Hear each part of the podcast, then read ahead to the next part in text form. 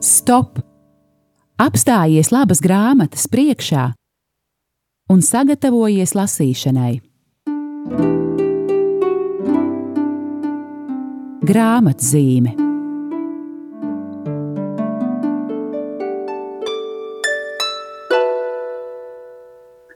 Kristus augšām cēlies. Esiet sveicināti, mīļie radio Marija Latvijas klausītāji. Ir trešdiena, un nekāda ne e, parasta trešdiena, bet trešdiena pēc lieldienām, trešdiena pēc Kristus augšām celšanās svētkiem.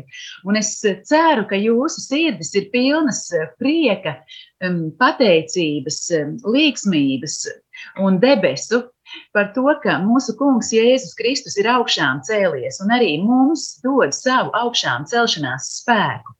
E, tuvojās raidījums grāmatzīme, un es pie sevis domāju, kas gan varētu būt tā grāmata, kas mums palīdzētu šajā augšām celšanās noskaņā turpināt uh, dzīvot un um, vest savu dzīvi uz priekšu šajā augšām celšanās gaismā. Un man neienāca nekas labāks prātā, pareizāk sakot, man ienāca patāt kaut kas ļoti labs un brīnišķīgs, un tā ir Nika Vujačiča grāmata Dzīve bez robežām ar apakšvirsrakstu Uzdrošinies dzīvot neticami labu dzīvi. Un Es šajā rītā uh, paklausījos raidījumu, ko pirms pāris gadiem mēs ar manu kolēģi Lauru ierakstījām, tad, kad grāmata uh, pirmo reizi iznāca. Un mani paši šī saruna ļoti uzrunāja. Man šķita, nē, es labāk neizstāstīšu. Varbūt, lai izskan vēlreiz šī jaukā saruna ar manu Lauru, un es ceru, ka arī jūs, mīļie klausītāji, šī saruna um, uzrunās. Vēl jau vairāk tāpēc, ka um, mums tagad ir iespēja ne tikai lasīt uh, Nika grāmatas, gan dzīve bez robežām, gan es stiprs, kas arī izdot Latvijas, bet arī gaidīt viņu pašu novembrī Latvijā. Un tā kā šajā kontekstā, kad gaidām Niku Vujačiču Latvijā, un, protams, tajā lielajā kontekstā, kas ir mūsu kunga, Jēzus Kristus augšām celšanās, lai izskan vēlreiz raidījums par grāmatu dzīve bez robežām.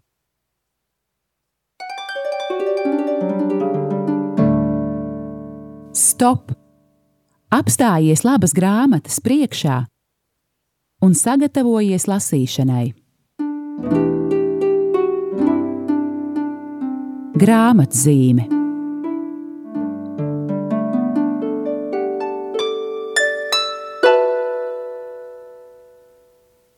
Labdien, radio Marija Latvija klausītāji!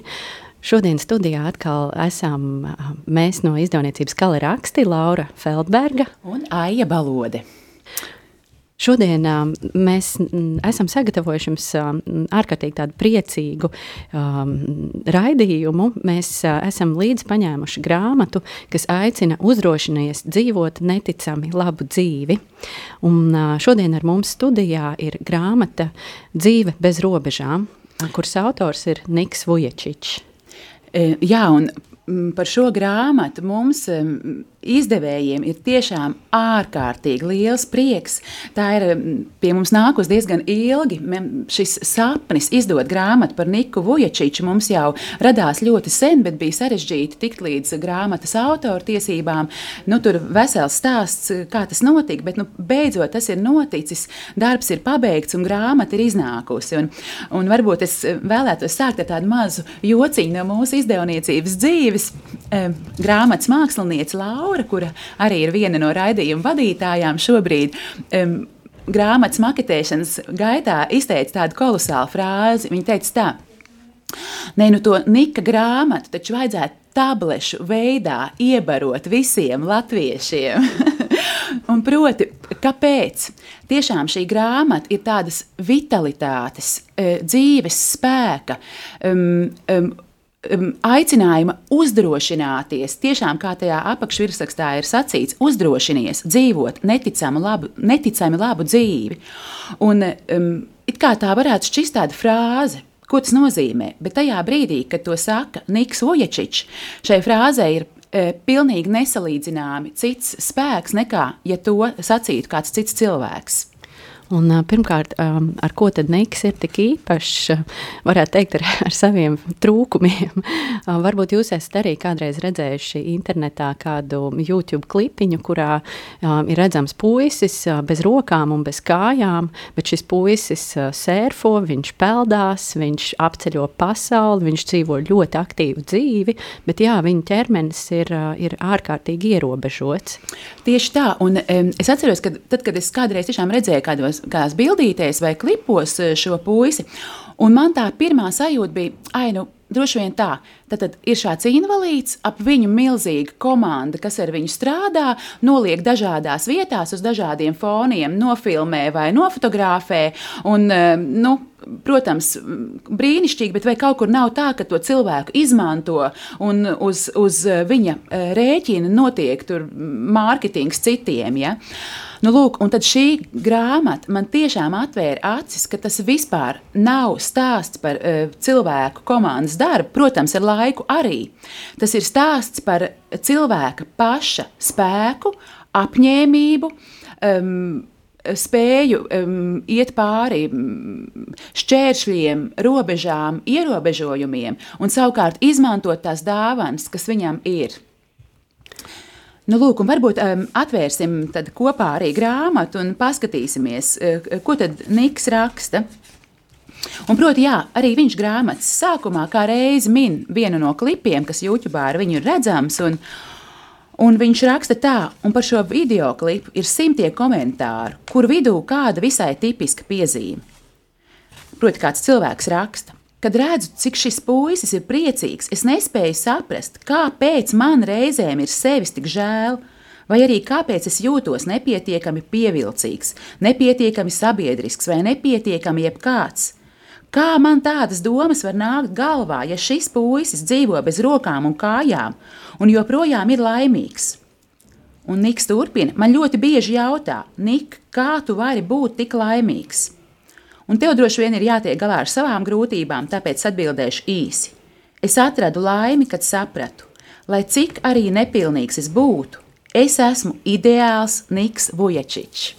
Un man šī doma ārkārtīgi patika, ka, ka protams, man bija jādomā par to, ka cik daudz um, nelaimju un problēmu um, rodas no tā, ka mēs visu laiku sevi salīdzinām ar citiem.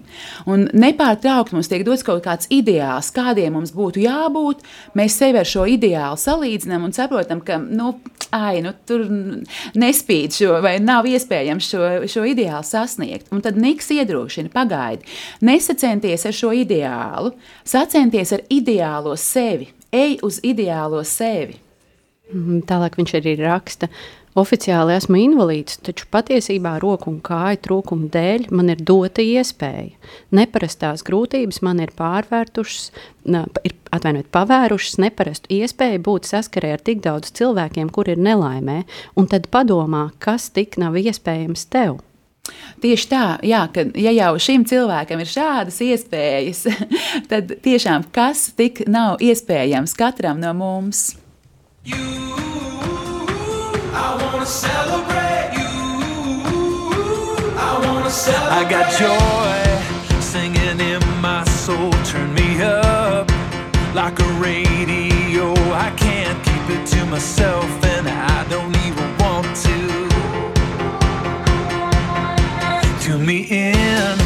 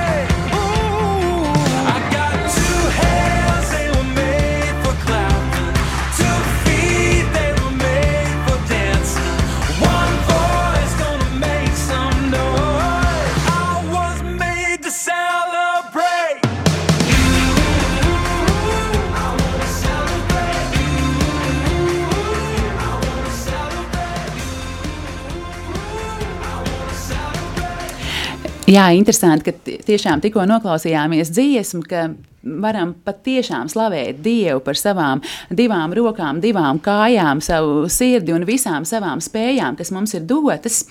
Un, uh, savukārt, um, varam arī slavēt Dievu par tiem cilvēkiem, kam kādu iemeslu dēļ kaut kas no šīm spējām ir liekts, un savukārt viņi to ir ieraudzījuši par, um, par um, iespēju. Um, ka parādīt, ka cilvēks tomēr nav tikai tās rokas, kājas, spējas. Cilvēks ir kaut kas gluži cits. Tiešām tā ir tā uh, sirds, tā, tas ir tas, ko viņš ir gatavs uh, darīt otram. Jā, un Niks uh, ir sapratis, ka viņš tieši tāds, kāds viņš ir, uh, tieši ar šiem saviem um, milzīgajiem trūkumiem, ka viņa spēja ir uzrunāt cilvēkus un pateikt, pagaidi, um, neapstājies pie saviem trūkumiem. Eh, skaties pāri, skaties uz to, kas tev ir. Un eh, tiešām viens no tādiem um, motīviem, kas iet cauri um, visai grāmatai, ir ierobežojumi. Un uh, Niks par dzīves ierobežojumiem uh, runā tikai vienā kontekstā. Viņš saka, uh, tie īstie ierobežojumi, kas tev neļauj iet uz priekšu, ir tie, ko tu savai dzīvei esi uzlicis pats. Un uh, Nikam ir arī ļoti paveicies ar viņa vecākiem. Varētu teikt, ka vecāki tiešām ir tie, kas, uh, nu, kas atbalsta viņa tādus neatkarības centienus. Un uh, grāmatā arī ir par šīm attiecībām ar, ar vecākiem un visiem izaicinājumiem, ar kuriem vecāki sap, sastopas šādu bērnu invalīdu audzinot. Bet tālāk par Nika paša jēgas, dzīves jēgas meklējumiem. Tētis man apgalvoja, ka Dievs nekad nekļūdās, taču reizēm nespēju atbrīvoties no sajūtas, ka ar mani ir bijis izņēmums. Kāpēc tu nevarēji dot man kaut vienu roku? Es jautāju Dievam. Padomā, ko tik es nevarētu izdarīt ar vienu pašu roku? Esmu pārliecināts, ka arī tev ir bijuši līdzīgi brīži, kad esi lūdzis Dievu vai vienkārši vēlējies būtiskas izmaiņas savā dzīvēm. Nav iemesla panikai, ja brīnums, ko gaidi, nenotiek, vai arī tavas vēlmes tajā pašā mirklī nepiepildās. Atceries, Dievs palīdz tiem, kas palīdz paši sev. Tas, vai tu joprojām centies sasniegt augstāko mērķi, ko esi izvirsījis saskaņā ar saviem talantiem un sapni, ir atkarīgs no tevis. Ilgu laiku domāju, ja vien mans ķermenis būtu normālāks, mana dzīve ritētu viegli, Es nesapratu, ka man nav par katru cenu jābūt normālam. Man ir jābūt man pašam, sava tēva bērnam, kas īsteno dieva plānu. Sākumā es nevēlējos pieņemt patiesību, ka tas, kas manī tiešām ir slikts, ir nevis ķermenis, bet gan ierobežojumi, ko pats sev esmu uzlicis, un mans aprobežotais skatījums uz iespējām manā dzīvē. Tieši tā, un um, tajā brīdī, kad, kad, kad um, Eh, Niks to saprot, un ka viņš, iz, viņš tiešām izvēlas. Eh, ka nē, viņš neskatīsies uz saviem ierobežojumiem, viņš skatīsies uz iespējām. Un, tas ir nesis milzīgu svētību viņam pašam un ļoti daudziem cilvēkiem. Jūs varat tiešām paskatīties um, tajā pašā minētajā jau YouTube un citur. Um, Niks šajā brīdī tad viņš uzrunā stadionus, viņš uzrunā tūkstošiem, tūkstošiem cilvēku. Un, nu, tas ir fantastiski, ko viņš ar šiem cilvēkiem dara. Ka viņš, puisis bez rokām un bez kājām, atdod ticību dzīvei, spējīgiem, veseliem, spēcīgiem cilvēkiem. Fantastisks dieva paradoks, vai ne? Nu, lūk, bet šajā brīdī, tad, kad mēs to zinām, jau šo Nika triumfu, ir arī skaisti palasīt pirmās nodaļas šajā grāmatā, ka tas nav nācis viegli. Un, piemēram, viņš raksta šādu liecību. Zēna gados es daudzas naktis pavadīju lūkšanā, lūdzot sev rokas un kājas. Es raudādams aizmigu un sapņoju, ka no rīta piecelšos un tās būs brīnumaini uzradušās. Un tas, protams, nekad nenotika, un nākamajā dienā es negāju uz skolu, jo es nespēju sevi pieņemt un tāpēc es konstatēju, ka ir grūti panākt, lai man pieņemtu arī citi. Uh, nu, lūk, bet šīs pašas nodaļas sāk, turpinājumā Niks tad raksta, jā, es visu laiku lūdzu, lai Dievs dod man brīnumu, bet dažu apstākļu sakritību rezultātā viņš nonāk pie atziņas, ka viņam pašam ir jākļūst par brīnumu citiem, bet par to runāsim pēc mazas um, muzikālas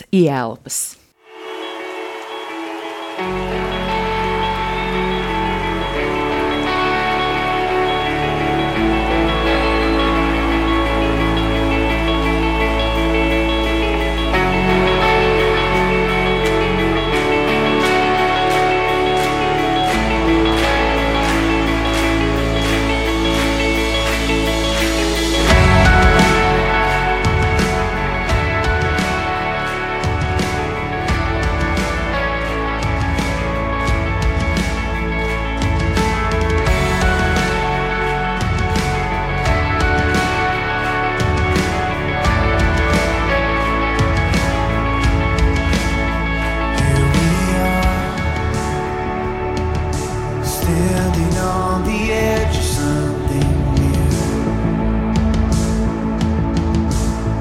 Lead us on.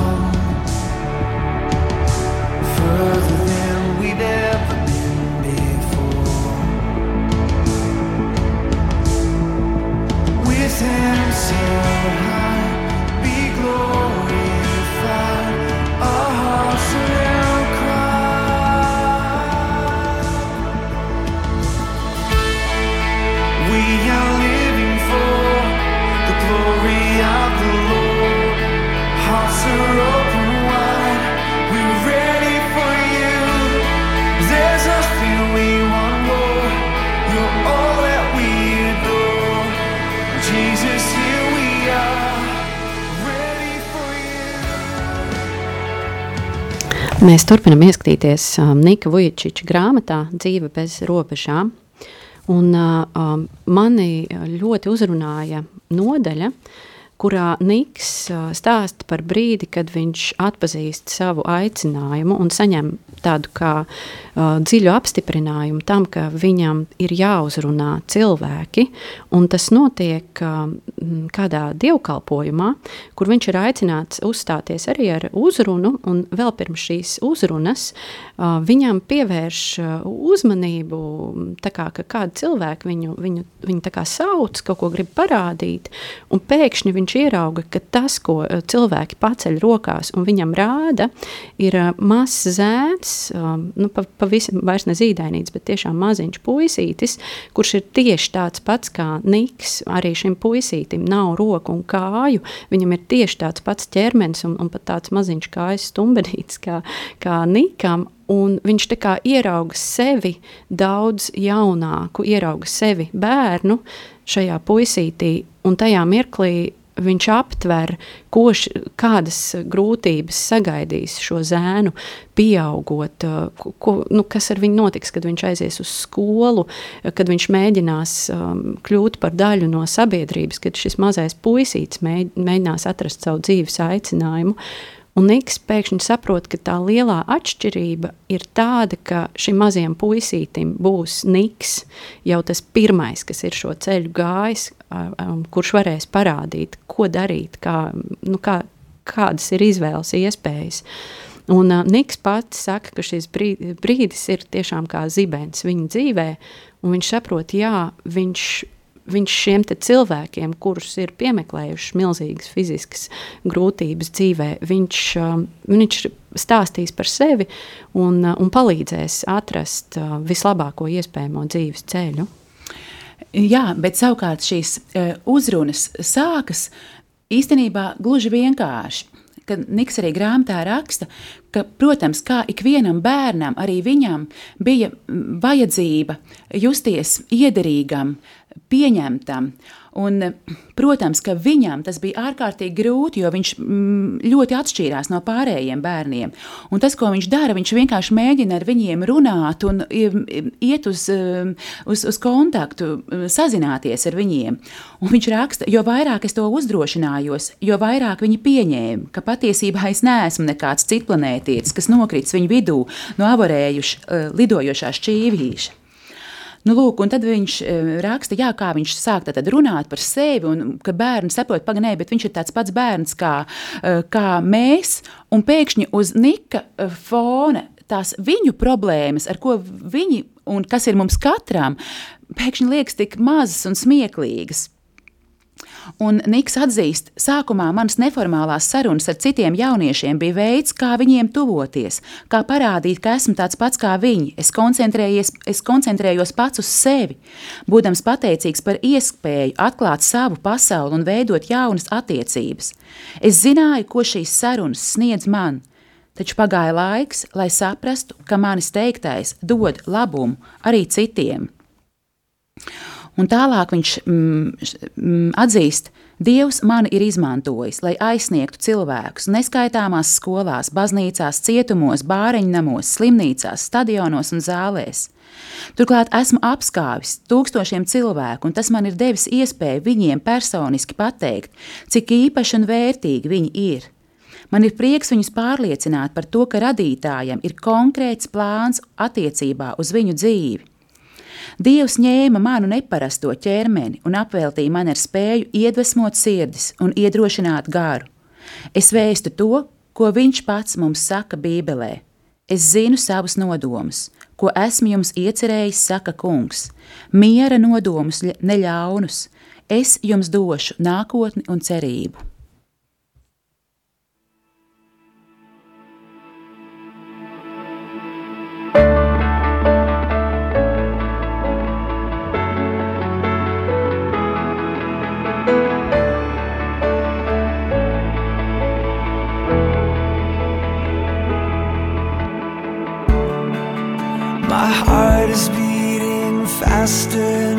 Chest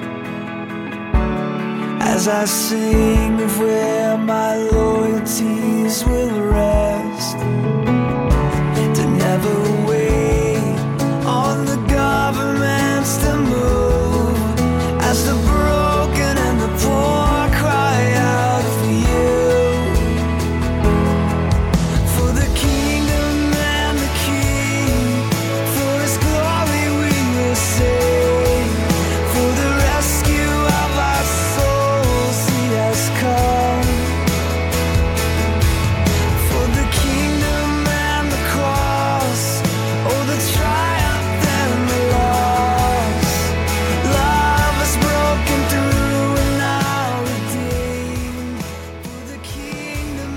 Caurlasot šo uh, grāmatu, kur uh, Niks tālāk apraksta savus um, braucienus pa pasauli, to kā viņš tieks ar neskaitāmiem cilvēkiem, uzrunā milzīgus ļaužu pūļus un tā tālāk. Un pēkšņi es kādā brīdī sev um, pieķēru pie tādas domas. Nē, nu jā, nu, viņam jau kaut kur viegli rakstīt, vai ne? Nu, nu, paskaties, tomēr tagad tik labi situēts cilvēks, tādām iespējām, kontinenti mainās, pūļi, stadioni, tur viss norganizēts. Ja? Nē, nu viņam jau viegli rakstīt tādu palīdzības grāmatu. Un es pilnīgi tā pati sev pagaidu, āja, stop. Viņš jau, nav, viņš jau nepiedzima ne ar to komandu, kas uz viņu strādā, ne ar tiem pūļiem, kas um, ir gatavi viņā klausīties. Pat tieši otrādi Niks arī šajā grāmatā raksta to, ka tad, kad viņam rodas šī doma, jā, ka viņam ir ko teikt citiem, viņš saprot, ka viņam jāmācās to darīt. Un viņš zvana uz skolām un draugiem un piedāvā, ka viņš varētu um, iet un tādām, ar tādu uzrunu uzstāties. Un Viņš nevienam nav vajadzīgs, viņš eh, viņu, viņam atsaka. Jo cilvēkiem ir tā kā neērti, nu, ko mēs klausīsimies tādā invalīdā un izskatīsies tā kā, nu, kā tas būs. Un, nē, nē, o, oh, paldies, bet nē, nē, nē. Proti, tas ir milzīgs darbs un, un, un uh, uzņēmība, ka Niks to visu ir panācis. Nu, lūk, bet atgriežoties pie tās domas, ka jā, tagad viņam ir tik viegli runāt, un tad es domāju, pagaidi, Aija, bet tu ņemtu visu to komplektu tu ņemtu to, to komplektu, kādēļ viņam ir šīs uzrunas eh, stadionos un milzīgajiem ļaužu pūļiem. Un, protams, tā atbilde ir pavisam godīga. Nē, Un īstenībā, ja mēs tā padomājam, cik bieži mēs kaut kur mm, raugāmies uz cilvēku panākumiem, bet mums nav ne jausmas par to ceļu, pa kādu viņi uz, to, uz šiem panākumiem ir gājuši, par tām cīņām, ko viņi ir izcīnījuši. Un pagaidi, tad varbūt labāk neskatīsimies uz šiem panākumiem, bet domāsim par to ceļu, ko varam iet katrs no mums, lai tā kā Niks saka, ka viņš grib būt ideālais Niks Vujačiņš, tad mēs izvēlamies būt ideālā aija, ideālā Laura un ideālais klausītājs. Un vēl um, arī Niks ir ļoti godīgs pret um, sevi šajā grāmatā un saka, jā, viņš pazīst um, nu, dažādas ciešanas, bet uh, viņš arī zina, ka ir citi cilvēki, kuriem ir tās rokas un kājas, un kas ir piedzīvojuši varbūt pat vēl lielākas ciešanas, nu, kam ir arī šie neredzamie ievainojumi un, un, un liels sirdsāpes un, un depresija. Un, um, bet viņš arī dod tādu kā, nu, tādu instrukciju, kas, uh, kas ir ļoti spēcīgs palīgs, kā, nu, kā pārvarēt dažādas grūtības. Un viņš raksta, esmu iemācījies pasmieties par saviem fiziskajiem trūkumiem un dīvainajām reakcijām, ko tie mēdz izraisīt, taču ir kāda vēl labāka metode, kā pārvarēt nespēju sevi mīlēt tādu, kāds esi, vai šaubas par savu nozīmību. Nevis koncentrējies uz savām sirds sāpēm, bet atrodi kādu citu, kuras sāpes tu vari remdēt un kuram vari sniegt atbalstu lai tavas uzmanības centrā ir kāds, kam nepieciešama tava palīdzība. Brīvprātīgais zupas virtuvē, līdzekļu piesaistītājs, lai palīdzētu bāriņiem, cilvēks, kas organizē palīdzību zemestrīcē cietušajiem, atroda sponsors, kas ziedos naudu, ja piedalīsies labdarības skrējienā, velo sacensībās vai deju maratonā, celies un dodies pasaulē.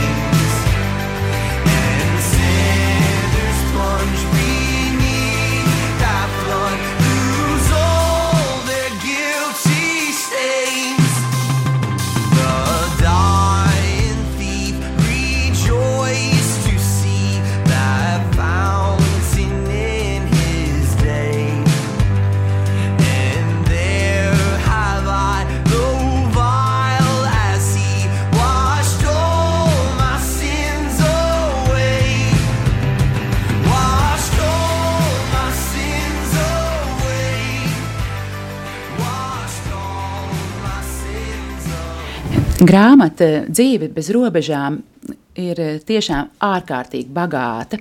Tur ir Nika dzīve, tur ir viņa piedzīvojumi. Viņš arī ļoti daudz liecina par citiem cilvēkiem, kurus um, viņš ir saticis un kur ir kaut kur līdzīgi viņam pašam. Proti, protams, ka um, kād, kādos pasākumos viņi, viņi kāpj uz vienas uh, skatuves, uzrunāt vienus cilvēkus ar citiem um, invalīdiem, kādiem cilvēkiem, kas ir cietuši negadījumos, kam ir atņemtas kādas spējas, un viņš liecina par šiem cilvēkiem, kā kāds ārkārtīgs spēks ir viņos, kā viņi arī savus trūkumus ir spējuši um, pavērst par svētību citiem. Un tur tiešām ir brīnišķīgi, tādi spēcinoši paraugi. Un tajā pat laikā uh, Niks brauc arī uz daudziem uh, ļoti skarbiem uh, punktiem uh, uz mūsu zemes. Um, ir liecinieks milzīgām nelaimēm, nabadzībai, uh, traģēdijām un tā tālāk. Un kā piemēru viņš raksta par to, kā viņi um, viesojas Mumbajā, Indijā. Um, tādā ciematā, kur um, um, apmēram nodarbošanās, ar ko vietējie cilvēki nodarbojas, ir um, seksa tirdzniecība, sevis tirdzniecība. Tas ir milzīgā masveidā, jo izmet tur nekā cita nav ko darīt. Nu, lūk, viņš apraksta šo ārkārtīgo, pilnīgo bezcerības situāciju, un pēc tam viņš saka, un tu taču droši vien skaidri redzi, ka šīm seksa verdzenēm jāpamet viņu šausmīgā eksistence. Taču vai ar tādu pašu skaidrību tu vienmēr uztver arī situāciju, kurā atrodies pats?